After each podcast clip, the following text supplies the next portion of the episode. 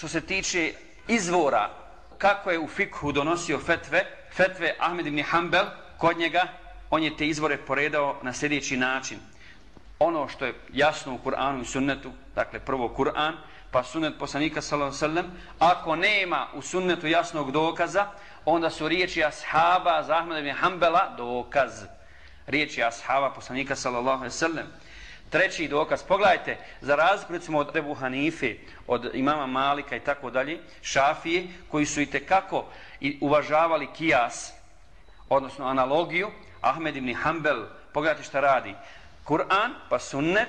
pa mišljenja sahaba, odnosno konsenzusa sahaba, ako ne postoji konsenzusa sahaba, ako se ashabi različili po određenom pitanju, po bilo kojoj meseli, onda on uzima ono mišljenje od ashaba koje je najbliže sunetu poslanika sallallahu alejhi ve sellem po njegovom mišljenju. Zatim, ako nema dokaza kod ashaba, onda uzima mursel hadis ili daif hadis,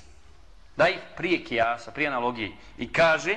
daif hadis mi je draži